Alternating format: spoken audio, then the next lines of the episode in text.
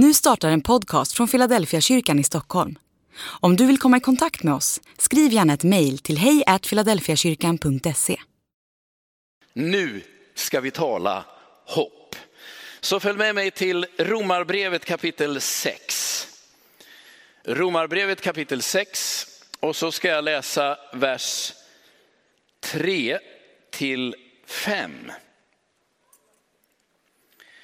Vet ni då inte att alla vi som har döpts in i Kristus Jesus också har blivit döpta in i hans död. Genom dopet har vi alltså dött och blivit begravda med honom för att också vi ska leva i ett nytt liv så som Kristus uppväcktes från de döda genom Faderns härlighet. Ty har vi blivit ett med honom genom att dö som han, ska vi också bli förenade med honom genom att uppstå som han. Här är ju två perspektiv som flyter ihop. Det ena, det är ju helt uppenbart, det är att Paulus talar om vårt dop. Vi som har blivit döpta, det är det här som har hänt. Och det andra perspektivet är ju påsken. Han talar om Jesu död och uppståndelse och så drar han ihop de här två. Som en sorts, ja nu inser man att man är gammal när man säger det, dubbelexponering. För alla er som är något yngre, förr i tiden när man tog kort satte man i film. Och för varje kort man tog så fick man någon sorts ljusexponering på den här känsliga filmen. Och sen rullade man fram så man fick en ny ruta och ibland misslyckades man och så fick man två kort på samma bild. Säger vi dubbelexponering. Det är mycket man kommer att behöva förklara framöver. Men det som händer i, i den här bibeltexten, och det är det jag skulle vilja att du bara uppfattar idag, det är att han å ena sidan talar om dopet. Du som är döpt, tänk nu att det här handlar om dig. Och så säger han, det där dopet och det där som händer med Jesus under påsken, de, de är på något sätt väldigt nära sammanflätade. Vad händer när vi dör? Det är min övergripande rubrik idag. Vad händer när vi dör?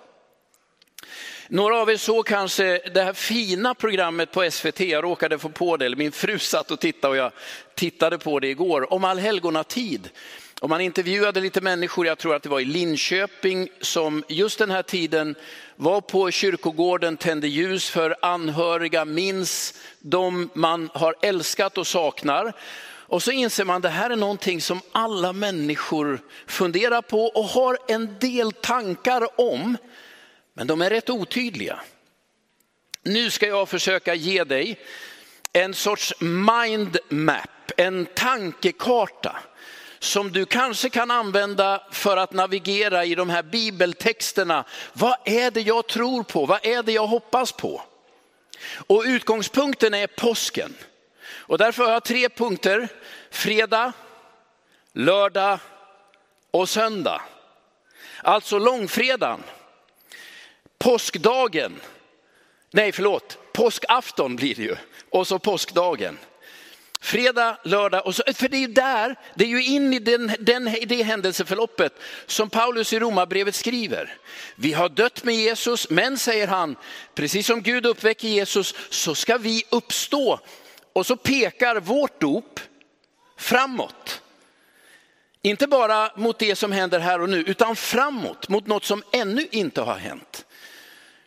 Så jag tänker att Jesu död och uppståndelse, det blir som en sorts prototyp för det som vi väntar på och hoppas på. Det som hände med honom, det är ju på något sätt det som ska hända med oss. Hur ska man få ihop det här?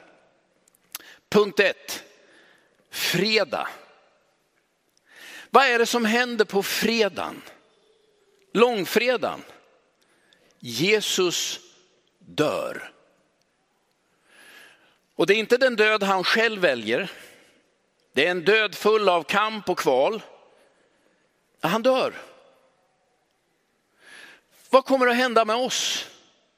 Jag önskar jag kunde sagt att låter du döpa dig kommer du aldrig att dö. Men det vet vi att det är inte sant. Vi dör också. Det är ju betydelsen i fredagen. Så när du döps till Kristus så är det första som, som Paulus talar om, det är ju vår död. Vi dör.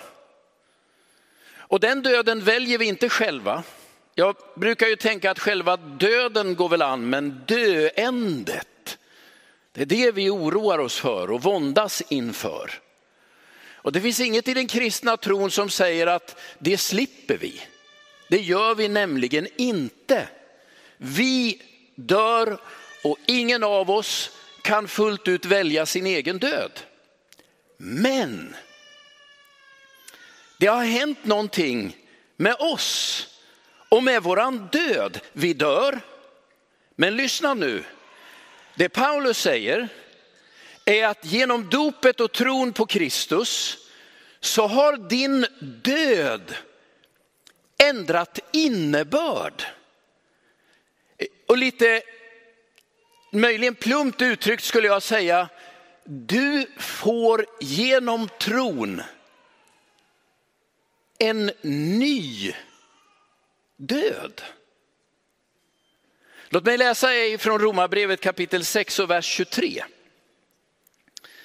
Lite längre fram i samma kapitel så säger Paulus, syndens lön är döden, men Guds gåva är evigt liv i Kristus Jesus vår Herre. Syndens lön är döden.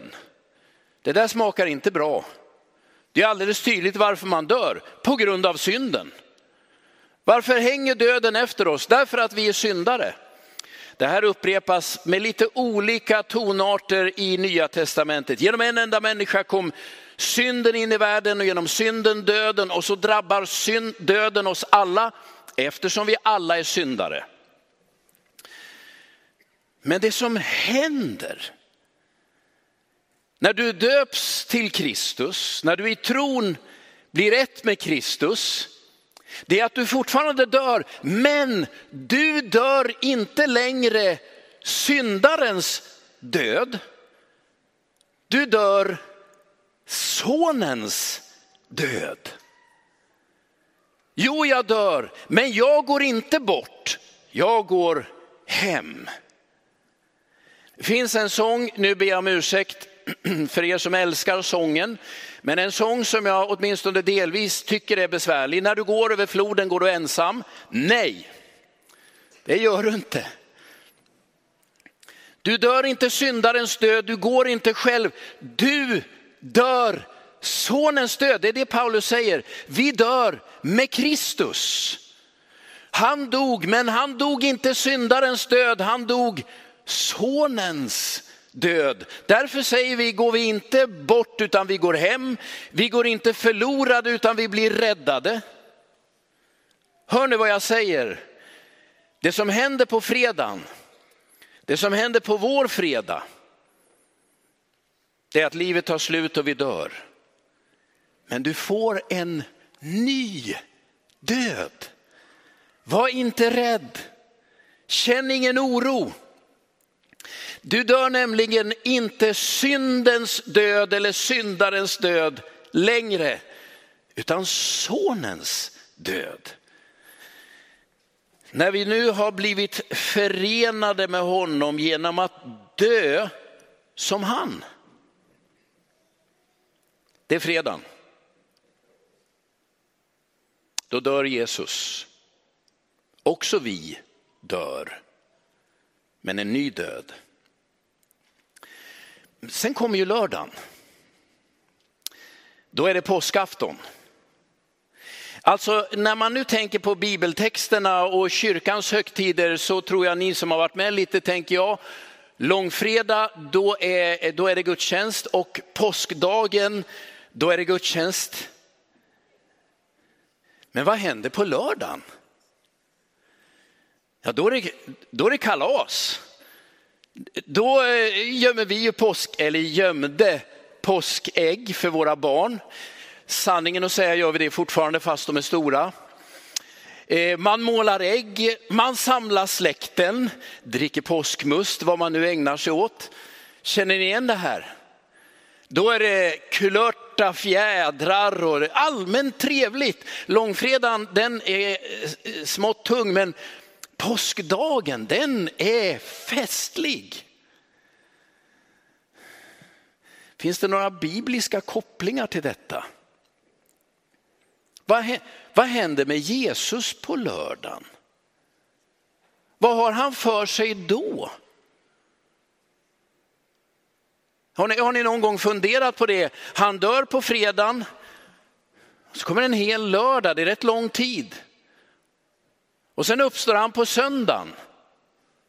Jag skulle vilja säga att det händer mycket på en lördag. Jag har några förslag. Vad är det som händer på lördagen? Följ med mig till Lukas evangeliet. Lukas kapitel 23, vers 44 till 46. Det var, nu, det var nu kring sjätte timmen. Då blev det mörkt över hela jorden ända till nionde timmen. Det var solen som förmörkades.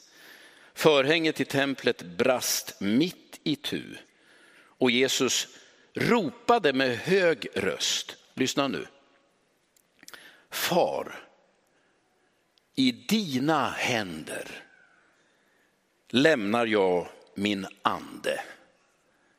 När han hade sagt det slutade han att andas. Var är Jesus på lördagen? Han är hemma.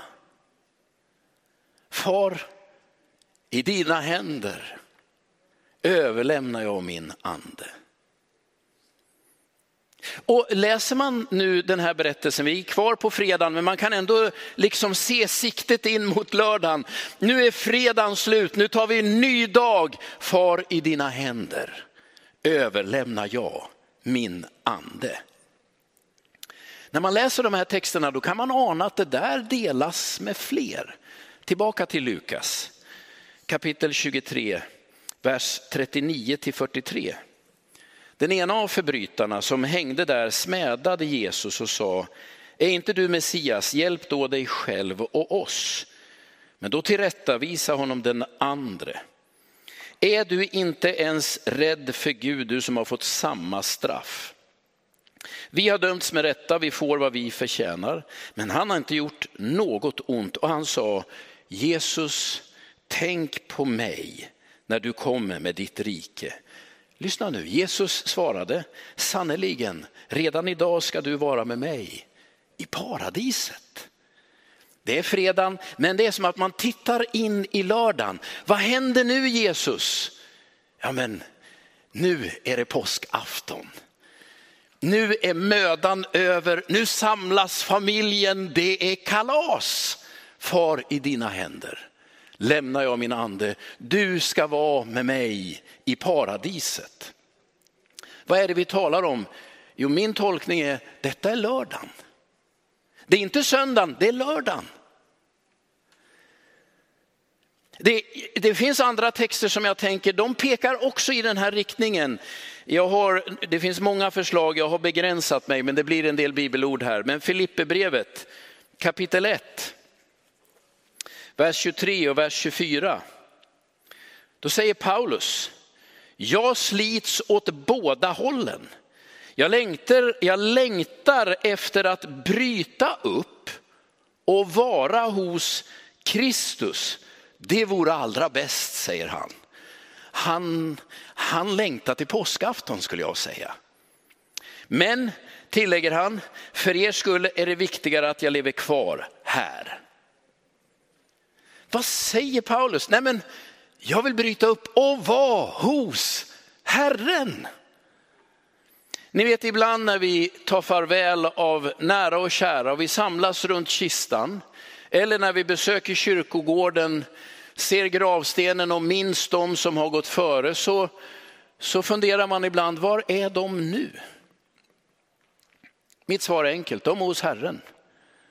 Eller som rövaren, de är i paradiset.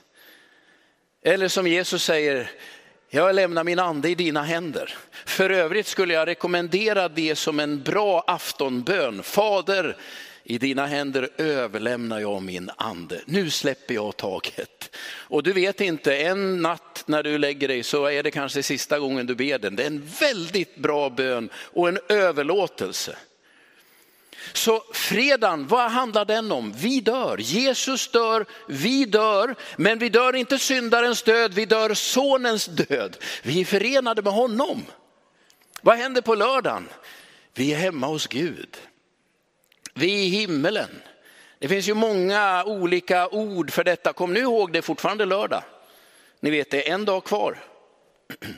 Jag är hemma hos Herren, vi är i paradiset. Jag, jag, när jag tänker på det här så brukar jag eh, tänka tillbaka på min barndom.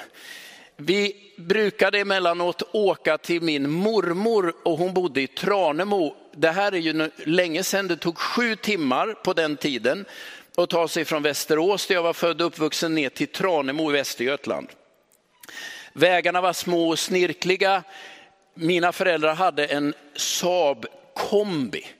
Och i den så låg resväskorna där bak och detta är ju före allt säkerhetstänkande. Ovanpå resväskorna låg jag och min stora syster och tittade ut. Detta är ingen rekommendation, detta är strikt olagligt idag, men så här såg det ut en gång för länge sedan.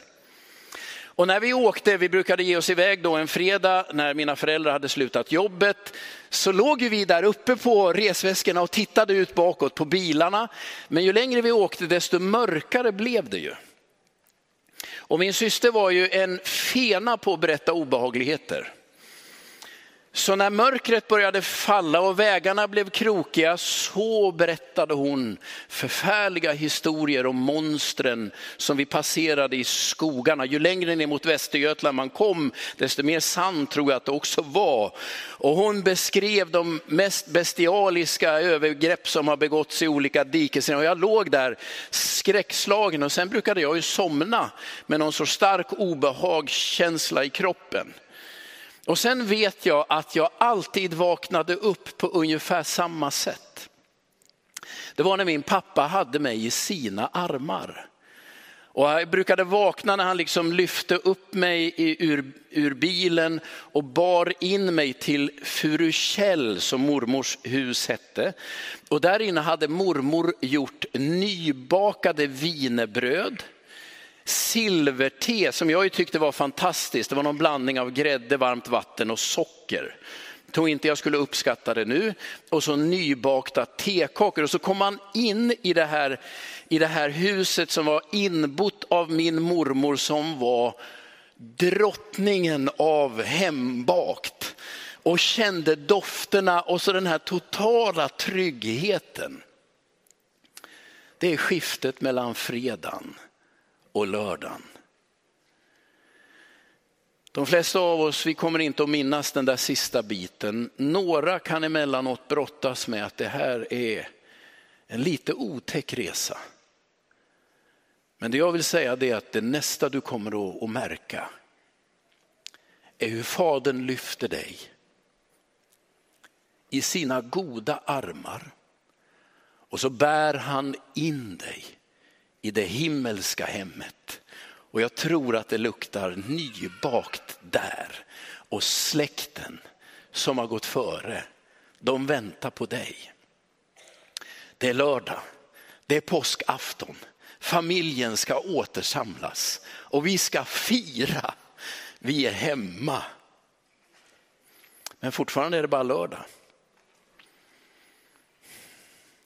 Det kommer också en söndag.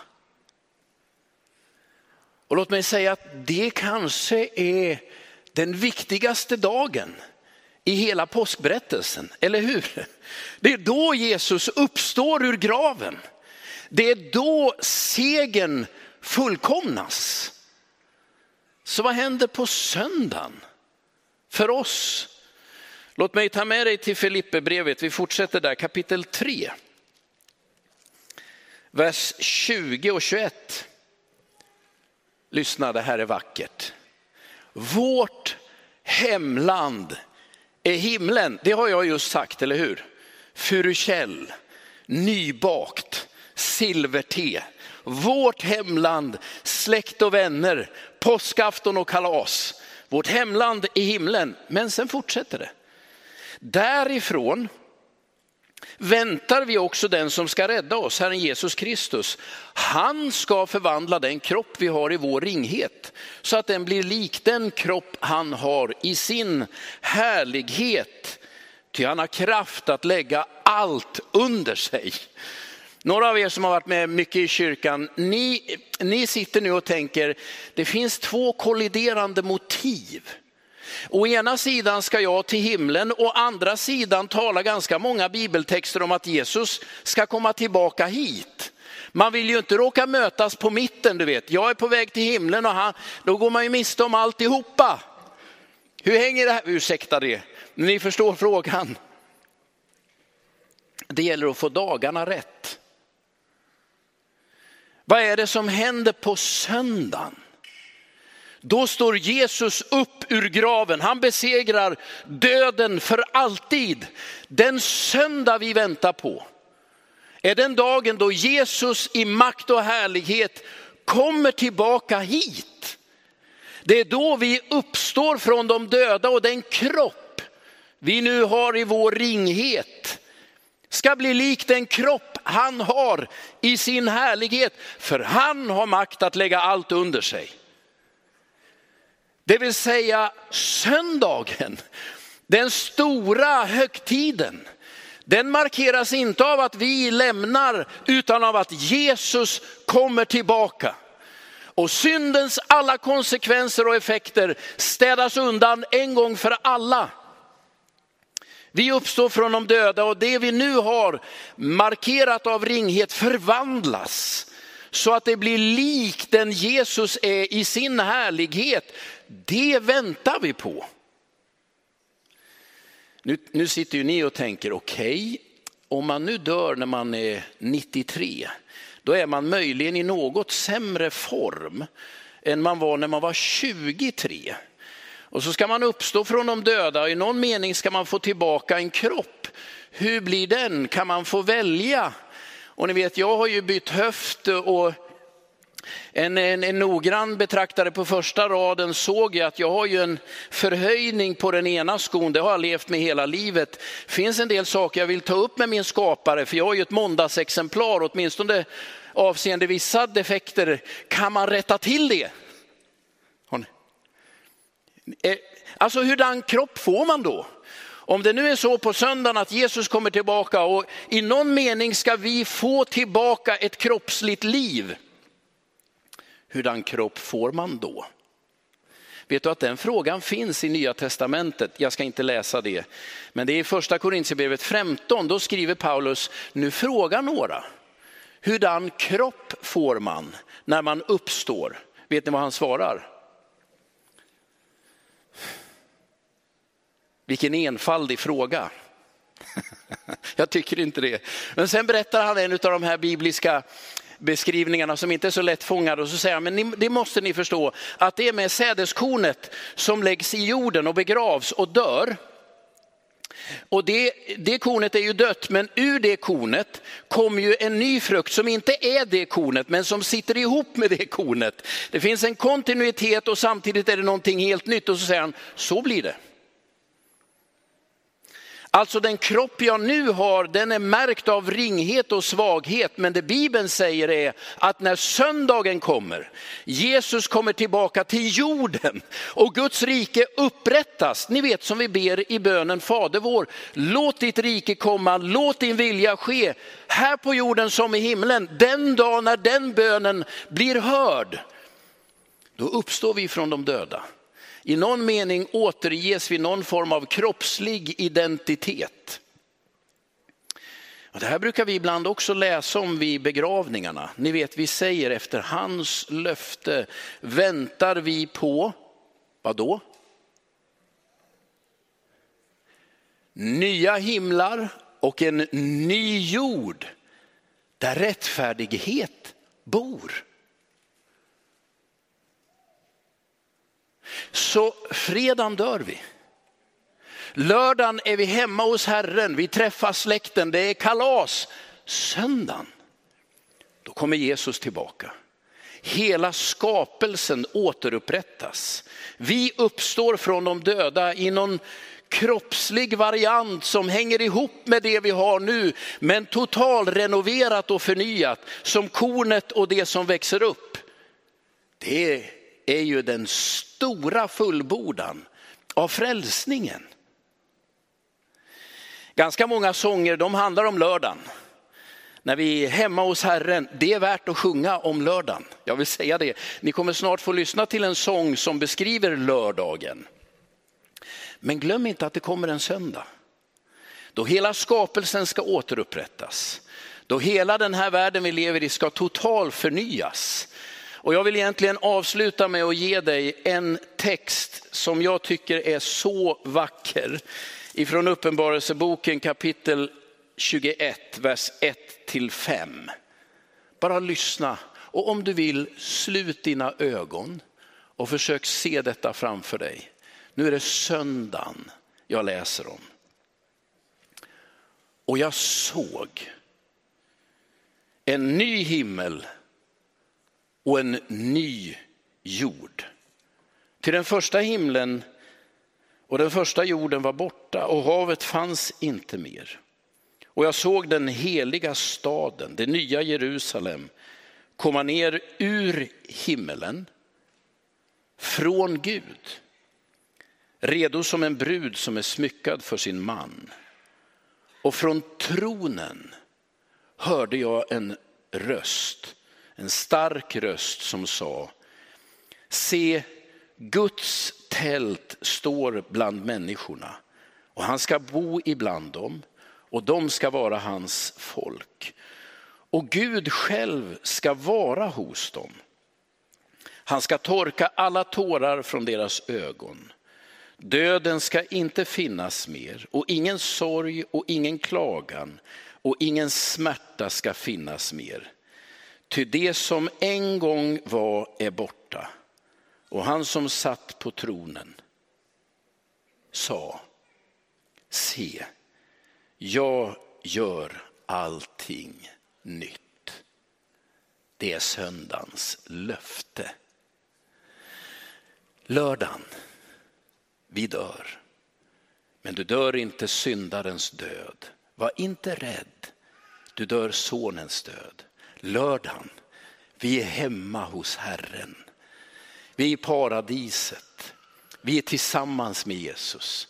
Söndagen, Jesus kommer tillbaka. Himlen sänker sig över hela våran jord. Han gör allting nytt. Ingen sorg, ingen död, ingen saknad. Det är vad vi ser fram emot. Detta är vad vi väntar på, hoppet. Lyssna nu till den här sången. Jag tror den mest handlar om lördagen.